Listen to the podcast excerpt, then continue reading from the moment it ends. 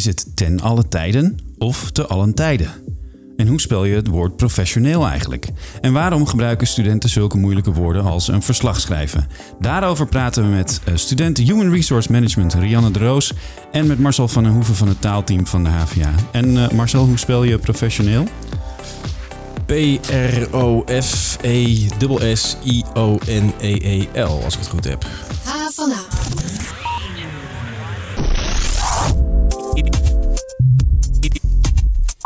Ja, fijn dat je luistert naar onze wekelijkse podcast. Elke week praten we door over het nieuws op en rond de HVA hier in de glazen studio op de Amstel Campus. Mijn naam is Daniel Rommens en tegenover mij aan tafel zit deze week redacteur Suzanne Wijnker. Hoi Suzanne. Hoi Daniel. En naast alle aandacht voor taal was er natuurlijk ook gewoon ander nieuws op de HVA. Zo ging jij, Suzanne, deze week naar het debatcentrum Floor, waar ze het hadden over geloof. Wat uh, bespraken ze daar precies? Ja, ik was dinsdag aan het eind van de middag uh, naar een avond dat heette Van God Los, georganiseerd door Floor. En de vraag die centraal stond was: uh, hoe vrij ben jij om te geloven? Maar vooral ook hoe vrij ben jij om je geloof los te laten? En een van de sprekers was Fatima El Mourabit. En zij uh, is van het islamitische geloof afgestapt. En uh, zij vertelde hoe zij dit ervaarde. En ook vooral hoe lastig zij dit vond. Want ja, waarom vond ze dat lastig? Nou, ze vond het lastig omdat ze bang was om haar ouders te verliezen. Die waren ook erg uh, verdrietig toen ze dit vertelde. En daarnaast had zij het gevoel de enige te zijn um, in zo'n situatie. En daarom vond ze het ook zo belangrijk dat de HVA een avond als deze organiseerde. Ja. Zodat um, ja, lotgenoten eigenlijk met elkaar in contact zouden komen. Ja, ja, en het was niet op de begane grond hier aan de overkant, uh, zag nee, ik. Nee, het was uh, in het Wieboudhuis in een uh, kleine, een beetje anoniemere zaal. Mm. want het is wel een gevoelig onderwerp. En zo konden mensen dan ook na afloop veilig met elkaar in discussie. Ja, waar ging die over, die discussie? Nou, de discussie ging eigenlijk een beetje de andere kant op. Uh, de HVA geeft namelijk aan uh, dat zij een niet-religieuze instelling zijn. En de vraag die werd opgeroepen was dan ook: uh, hoe vrij ben je eigenlijk om binnen de HVA te geloven? En hoe, hoe moet ik dat precies zien, binnen de HVA te geloven? Nou, een docent gaf bijvoorbeeld aan moeite te hebben met de rustruimtes binnen de HVA. Ja. deze zijn bedoeld voor studenten die zich even willen terugtrekken, yoga doen, meditatie. Maar hij vond dit eigenlijk een verkapte naam voor gebedsruimte. Oké. Okay. Ja, en hier werd door anderen ook fel op gereageerd. Want het is juist een ruimte die voor iedereen is. Niet alleen voor gelovigen, maar ook voor niet-gelovigen. Ja. Ehm, ja, dus de discussie ging eigenlijk een beetje af van het thema. Maar het is wel goed dat er uh, over, blijft, uh, over blijft gesproken worden. Ja, ja de, kop, de kop van jouw artikel was ook uiteindelijk dat de HVA zelf vooral ook worstelt met dat geloof, toch? Ja, en hoe klopt. ze daarmee om moeten gaan. Ja, het ging niet meer echt over het individu, maar ook vooral ja, over de HVA. En Interessant. ja. Ja. Ja. het was heel interessant. Het zal nog wel even door blijven gaan, die discussie, denk ik. Dat denk ik ook wel. Nadat we vorige week de cijfers over diversiteit op de HVA binnenkregen, hadden we deze week nog twee interessante statistieken. Zo kwamen we te weten dat het aantal eerstejaars studenten dat dit collegejaar begon met studeren aan de HVA 7% lager was dan vorig jaar. Nou heeft dat volgens de HVA vooral te maken met het feit dat er vorig jaar een piek in het aantal aanmeldingen, eh, aanmeldingen was. Dus ondanks die krimp uh, blijft de HVA gewoon de grootste hogeschool van Nederland. Yay, feest. uh, deze maand is het ook de vitaliteitsmaand op de HVA. Doe jij eraan mee, Marcel, als medewerker? Nee, nee, ik voel me behoorlijk vitaal. Dus ik, ik Oké. heb het overgeslagen dit jaar. Ja, je bent niet ziek deze maand geweest? Dat wel. Oh. Ja. Ja. ja, dus ik spreek mezelf behoorlijk tegen. Maar goed, ik doe Nou er toch niet aan mee. Nee. Wij waren dus benieuwd hoe het met het ziekteverzuim zit op de hogeschool. Want die uh, vitaliteitsmaand is bedoeld voor uh, medewerkers om hen te stimuleren gezonder te leven. En uh, dat blijkt ook wel belangrijk te zijn. Want toen wij dus vroegen hoe hoog dat ziekteverzuim was, toen bleek dat te gaan om 5,4 procent. En dat kostte de HVA in 2018 maar liefst 12 miljoen euro. Dus ziekteverzuim, zo'n percentage, dat is de gemiste tijd, zeg maar. De tijd die verloren gaat doordat medewerkers ziek zijn. Uh, de directeur van de afdeling die over het personeelsbeleid gaat, de Human Resource afdeling, daar uh, kom jij misschien straks ook wel te werken, Rianne. Uh, die zegt dat het dan vooral gaat om mensen die zich langdurig ziek melden. En het aantal korte ziekmeldingen daalde juist iets.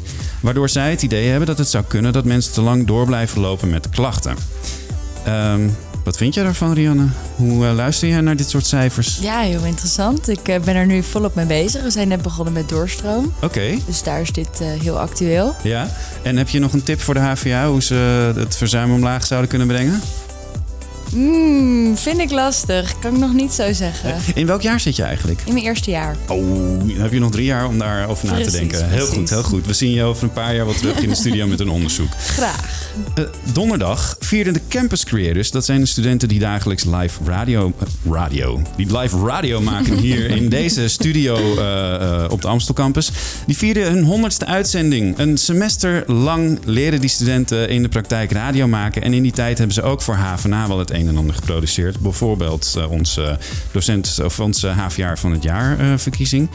Ehm, en in 100 uitzendingen eh, gaat er wel eens iets mis. Ja, dit, dit is wat er gebeurt als je studenten vrijlaat in de studio.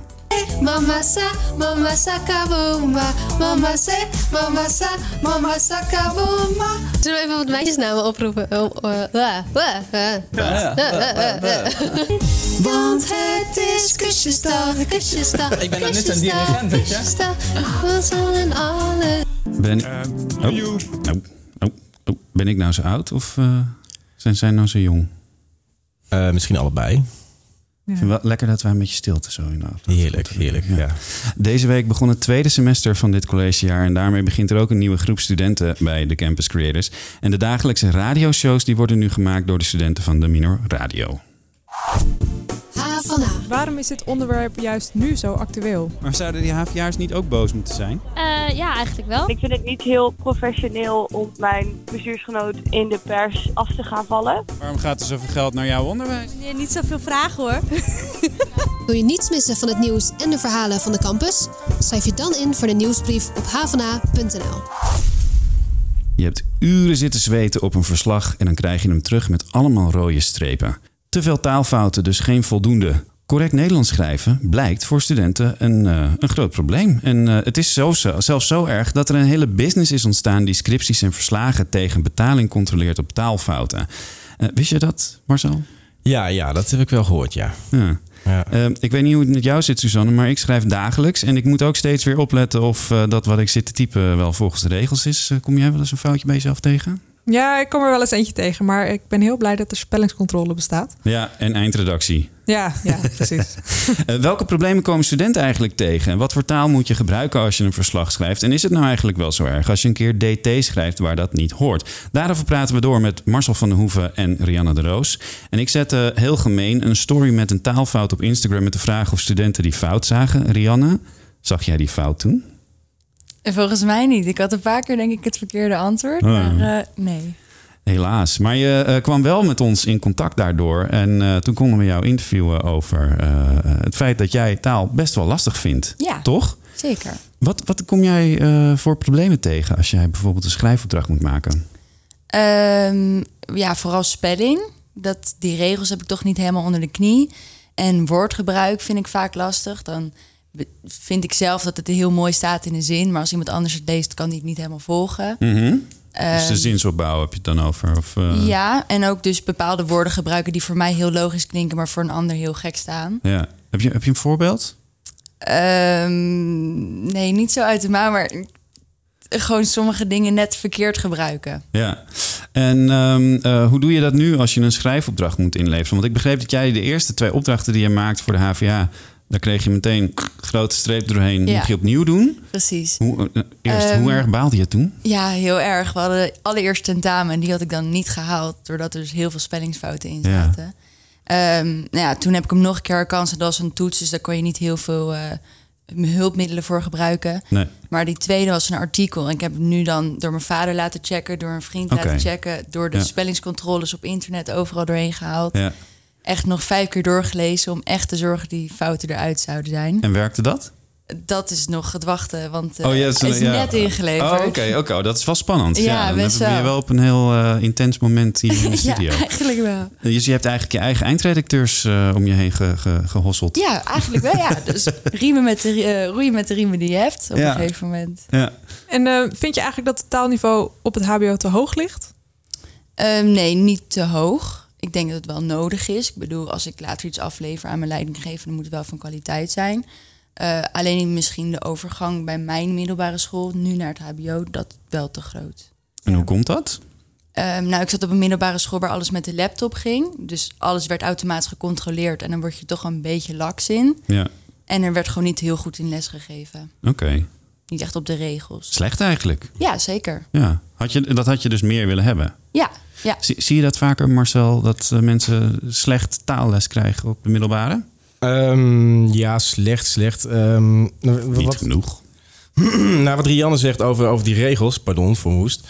Ehm, wat wij juist merken is, is dat spelling en grammatica eigenlijk niet het grootste probleem is. Ehm, en eh, vaak zeggen docenten in eerste instantie wel dat ze dat een probleem vinden. Maar als je dan dieper doorvraagt, dan merk je dat het eigenlijk veel meer gaat over de opbouw van de tekst. Over ehm, eh, inderdaad wat jij zegt, woorden gebruiken, woorden die eigenlijk ehm, te moeilijk zijn. Terwijl je veel makkelijker woorden kan gebruiken. Hè. Te alle tijden is een bekend voorbeeld. Dat kan ik gewoon altijd zeggen natuurlijk. Ja.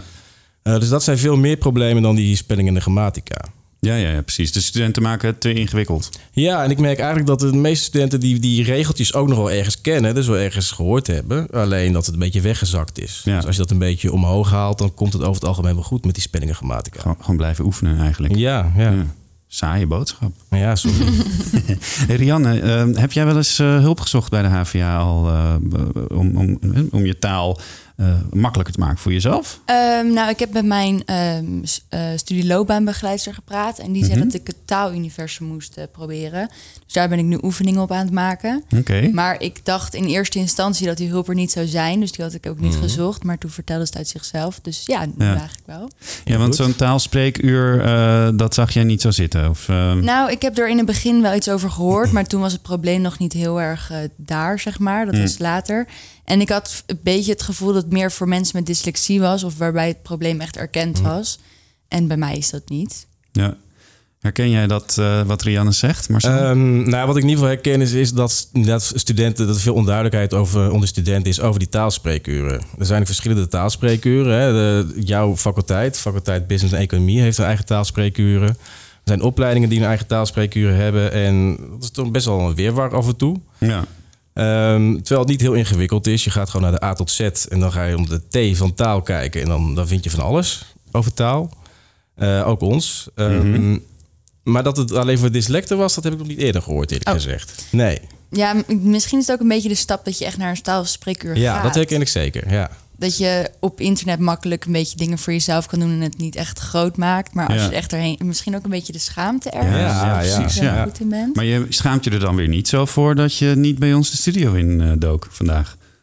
Nee, klopt. Maar toch als iemand zegt van, goh, daar heb je een foutje gemaakt, denken we, oh shit. Ja. Ja, nou, ik kan me wel voorstellen. Dat heb ik ook hoor, nog steeds. Als eh, iemand een mail stuurt eh, over een stuk dat ik heb geschreven en zegt hallo, Ja, daar moest gewoon alleen een D staan. Ja, ja. Je hoort het toch eigenlijk wel een beetje te kunnen nu. Ja, precies. Wat ik wel grappig vond, was toen wij op de redactie aan het praten waren over dit onderwerp. Iedereen heeft ook van die woorden die je heel lang verkeerd schrijft of verkeerd zegt. En eh, dan kom je er pas na jaren toevallig achter dat het eigenlijk helemaal verkeerd is. Suzanne, had je, heb, jij zo'n woord? Ja, ik had het eh, vroeger als kind las ik het woord minister en ik dacht dat je dan zei minister. Ah, ja. Die is leuk, ja. Creatief. Eh, Ja. nou ja, zo had ik eh, een, een prop sla in plaats van een krop sla. Wat ik dan nou ja. zelf eigenlijk nog steeds een heel logisch woord vind. Maar eh, nou ja. En Suzanne, jij was eh, op pad ook om het aan studenten te vragen. Hè? Ja, klopt. Er kwamen wel leuke antwoorden uit. Zullen we eens luisteren? Dyslexie. Dat heb ik.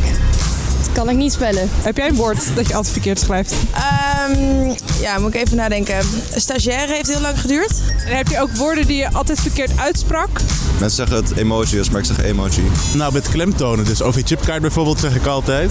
Maar het schijnt dus gewoon een OV-chipkaart te zijn. Eh, ja, ik, heb, ik ben anderstalig, dus ik heb altijd problemen met schrijven. Ik schrijf gemiddelde heel vaak fout. Rembrandt. Did I say it right now? Dus ik ben eh, half Amerikaans en ik zei altijd eh tikkel in plaats van kietel.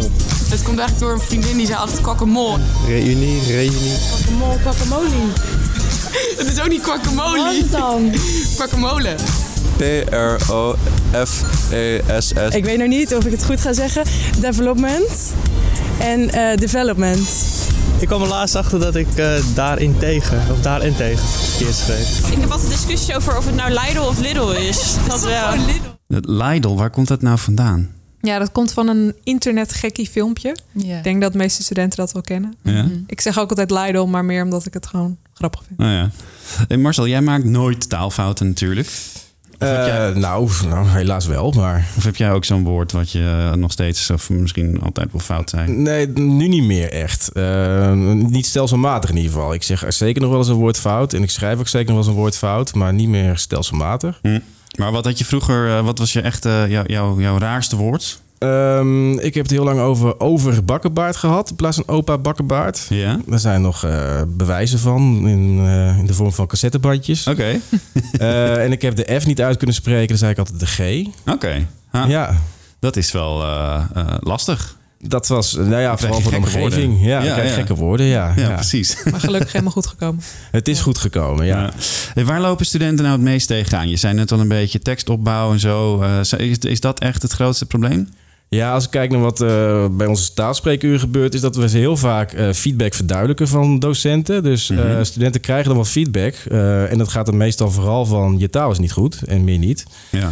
Ehm, en, en daar kunnen studenten dan net wat te weinig mee. Dus dan komen ze bij ons van, maar wat is er dan niet goed aan die taal? Ja. Dus, dus dat verduidelijken we dan. Dus ze komen echt met de opdrachten die ze al hebben gemaakt, gaan Ja. ze naar jullie toe? Ja, meestal Ja. wel.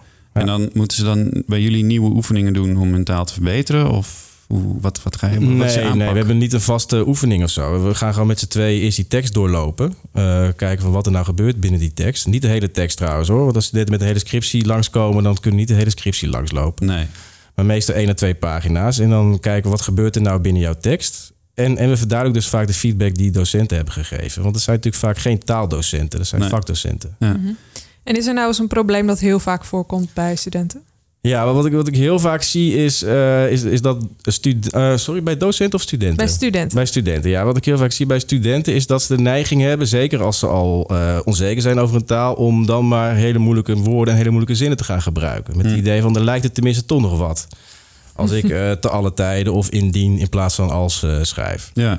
Dus dat is echt, eh, dat moeten er heel vaak, eh nou uitrammen wil ik niet zeggen, maar wel weghalen. Maar waarom krijgen ze dan dat idee dat ze zo officieel, zo plechtig moeten schrijven? Ja, dat vraag ik me ook wel eens af. Misschien dat ze veel. eh, nou ja, als je, als, je, als je teksten van de gemeente krijgt, bijvoorbeeld, hè, dan zie je dat soort woorden. Of Ja. je hoort advocaten op tv ook wel eens zo spreken. Of wetenschappers? Of, Of de H- wetenschappers, of ja. zelf? Ja. Ja, ja, ja. Of Misschien ook wel inderdaad, ja. ja. Ja. Heb je, heb je, want helpen jullie alleen studenten of ook... eh, Officieel De mogen HVA docenten zelf? ook langskomen, maar dat, dat doen ze niet vaak. Nee? Dat is eigenlijk volgens mij een collega van mij één keer gehad, maar dat gebeurt niet veel. Oké. Hey, Ik, Helaas. ik begreep dat studenten ook een verplichte taaltoets moeten maken. Niet allemaal, maar per, dat verschilt een beetje per opleiding. Maar Ja. hoe kijk jij tegen zo'n taal? Ja, knik ja.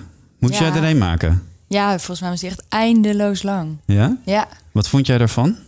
Ja, omdat die zo lang was, heb ik echt met iedereen eromheen gezeten en allemaal gezegd, oh, dat is dat. Ja. En ik wist al wel dat mijn spelling niet heel goed was, dus ik heb gewoon met iedereen het samen En, en wat voor soort taaltoets was dat dan? Eh, volgens mij overal gewoon iedere keer invullen welk woord er dan moest staan. Ja, oké, ja. Ja, Ja, ja. herkenbaar. Ja? Wat vind jij van die taaltoets? Ja, wij, wij zijn over het algemeen niet zo blij mee. Omdat, eh, wat ik al zei, wij vinden dat, eh, dat schrijven veel meer gaat over opbouw, eh, het juiste publiek bereiken, het juiste doel, dat soort dingen, dan om de D'tjes en de T'tjes en het juiste woord te gebruiken. Ja.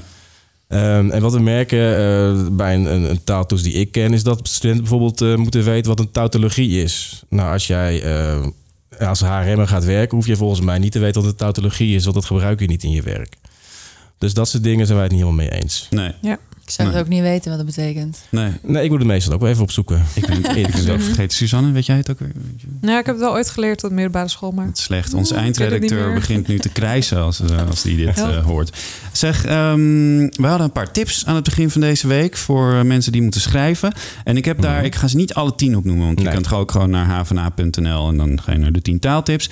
Maar er zaten een paar opvallende eh, tussen waar ik het heel even met je over wil hebben. En de eerste die mij echt opviel was, lees je tekst hardop voor. Wat Ja. is dat voor tip, Marcel? Nou ja, dat is, is, eh, dat is misschien voor veel mensen herkenbaar dat als jij tekst gewoon leest zonder hardop voor te lezen, dat, dat je eigenlijk geen één fout meer ziet. Dus er zijn allemaal middeltjes om toch fouten te zien. En Ja. dat is eh, bijvoorbeeld je tekst hardop voorlezen. Want dan Ja. gaat het wat langzamer. Je hoort ook de fout. Hè. Heel veel fouten zitten in de zinsconstructie. En als je een, een gekke zin opleest, hoor je dat. Als je het gewoon leest, hoor je het niet. Ehm, dus, dus daar is het vooral voor. Ja, ik merk het als ik mijn spreekteksten voor deze podcast schrijf, heel vaak, dat ik, dat ik het niet meer nalees. En dan sta ik hier in, Ja. de, in de studio en dan denk ik, oh, wat heb ik geschreven? Ja, dan ga ik ja, maar gewoon improviseren. En dat, dat is als je mij e hoort zeggen, mensen, dat is een moment dat je weet dat ik de verkeerde zin heb opgeschreven. Ja. Er stond ook dat je een, een woordenlijst moet maken met eh, moeilijke woorden. Mhm. En dat je zelfs ook af en toe eens eh, naar een synoniemenlijst moet kijken. Maar dan kom je dus in die moeilijke termen, toch? Nou, het kan ook andersom, hè? dat je een, een moeilijk woord hebt en een, synoniem, eh, eh, een, een makkelijk synoniem kan, eh, kan zoeken. Ja. Ik moet zeggen, die synoniemenlijst gebruik ik zelf ook niet heel veel hoor. Nee? Nee, nee. Maar het is, wat bijvoorbeeld wel zo is, is veel, veel mensen hebben op de basisschool gehoord dat ze niet elke zin met en toen en toen en toen moeten beginnen. Ja.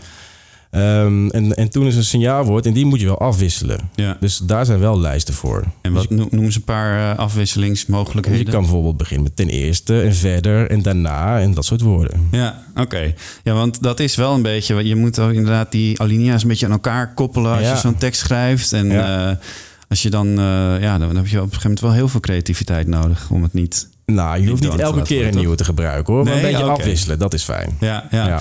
En ehm, een heel saaie tip en ook echt vreselijk om te doen. Maar het schijnt wel echt te werken. Maak een schrijfschema. Ja, er. Waarom ja. werkt dat zo goed, Marcel? Ehm, nou, omdat eh, wat, wat veel mensen misschien ook wel weer herkennen, is dat ze lang voor een leeg scherm zitten staren als ze een lange tekst moeten schrijven. Eh, als je die tijd nou gebruikt om vast na te denken over je hele tekst, dus wat je nou in het groot wil schrijven, eh, dan voorkom je dat. En, ehm, en je merkt echt dat als je al een plan hebt voordat je gaat schrijven, dat je ook veel sneller schrijft. En dan, dan kan je ook twee dingen scheiden, namelijk nadenken over wat ga ik opschrijven en hoe ga ik het opschrijven. Maar wat bedoel je dan met een schrijfschema? Gewoon eh, intro? Een soort opzetje van zo ga ik het maken? Nee, ja, wat je vaak doet is eh, nadenken over welke onderwerpen wil ik nou in een paragraaf bijvoorbeeld. Die onderwerpen zet je onder elkaar. En dan kan je daarna gaan nadenken over een logische volgorde. En daarna kan je per onderwerp bedenken wat wil ik daar nou over gaan, eh, Ja. over gaan schrijven. Op de taalwinkel.nl staat, eh, staan voorbeelden van schrijfschema's ook. Oké, taalwinkel.nl. Yes, en we hebben ook nog een MOOC. Ik ga reclame maken. Oh jee. Nou, We hebben een MOOC beter schrijven in het hoger onderwijs. En daar word je echt stap voor stap ehm er naartoe geleid. Dus hoe maak je nou zo'n schrijfschema en wat ga je er verder ook mee doen? Ja, heel goed. En eh, waar kunnen studenten terecht eigenlijk dan eh, precies? Bij jullie, als, je, als, je, als jullie zoeken? Die AZ-lijst, dat snap ik. Maar... Ehm, Ja, die AZ-lijst. Ja, en dan kom je bij de T van taalondersteuning. En daar vind je dus de taalspreekuren, hoe je daarvoor kan inschrijven. Je vindt een link naar de MOOC. Eh, je vindt een link naar de taalwinkel, waar ik het over, ook al over gehad heb. Oké. Dus dat is echt de makkelijkste manier. Alright. Heb jij wat aan, Rianne? Zeker, zeker. Ja, ik was er al een beetje bekend mee, maar het is wel een eh, fijne bron om even op te zoeken. En ga je langs bij taalspreekuur? Ja, misschien nu wel. Misschien moeten jullie alvast een afspraak maken. Zitten toch bij elkaar, ja toch? Ja. Ja. Hey, eh, dank voor je komst naar de studio, Marcel. En Rianne, bedankt dat je zo gedaan. openhartig met ons wilde praten Tuurlijk. over, eh, nou ja, dit. Mhm. Eh, veel succes met alle schrijfopdrachten en de schrijfschema's die je gaat maken de komende jaren. Eh, Suzanne, het eh, eind van de podcast. Nu moeten we weer een hele week schrijven. Ja, jeetje. Nou, Oh. Ik ga alles hardop lezen. de ja, we kunnen nu week. echt geen fouten meer maken hè, na deze taalweek. Nee, dat is waar. Nou, ik, ik maakte me echt ernstig zorgen over alle mogelijke foutjes die er alsnog doorheen geslopen waren bij ons. Maar, ik heb niks gezien. Nee, oh, dat is fijn. Nou, fijn Marcel, dankjewel. Volgende week zijn we er weer met een nieuwe podcast. En wil je in de tussentijd op de hoogte blijven van al het nieuws en alle taalfouten die wij maken? Check dan onze website havena.nl en volg ons ook op Instagram en Facebook en Twitter. En ook heel belangrijk, elke maandag sturen we je een nieuwsbrief. Dus schrijf je in via het inschrijfformulier op onze website. Rianne, heb je dat al een keer gedaan? Nee, maar ga ik nu zeker doen. Heel goed, heel goed. Marcel, Eh, sorry, ik was hem even kwijt. heb je niet eens geluisterd? Nee, zei? sorry. Nieuwsbrief, maandagochtend, schrijf je in. Ja, ga ik doen. Helemaal onderaan op onze homepage havena.nl. Eh, dank allemaal, tot volgende week. Tot volgende week. Tot volgende week. Geen enkele podcast meer missen? Abonneer je dan via Soundcloud of iTunes.